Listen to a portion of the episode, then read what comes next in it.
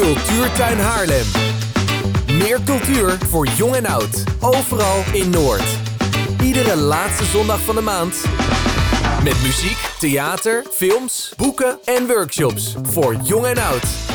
Bekijk en reserveer voor het Cultuurtuinprogramma op cultuurtuinhaarlem.nl.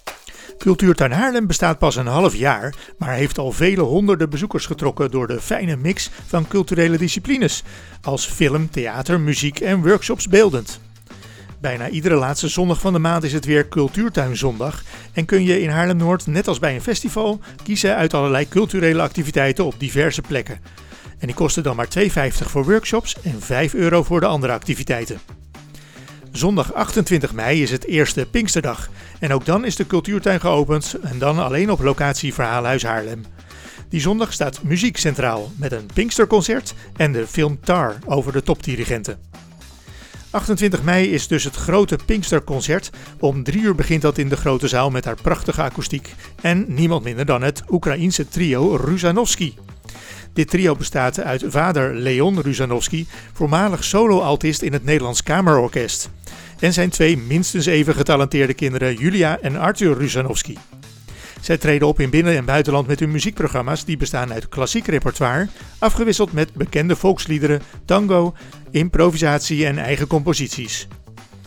Het programma bestaat uit een kleurrijk, levendig en melancholisch programma waarbij de viool, altviool, piano en gitaar in verschillende combinaties te horen zijn. Door subsidie van de gemeente Haarlem is de toegang voor dit concert slechts 5 euro.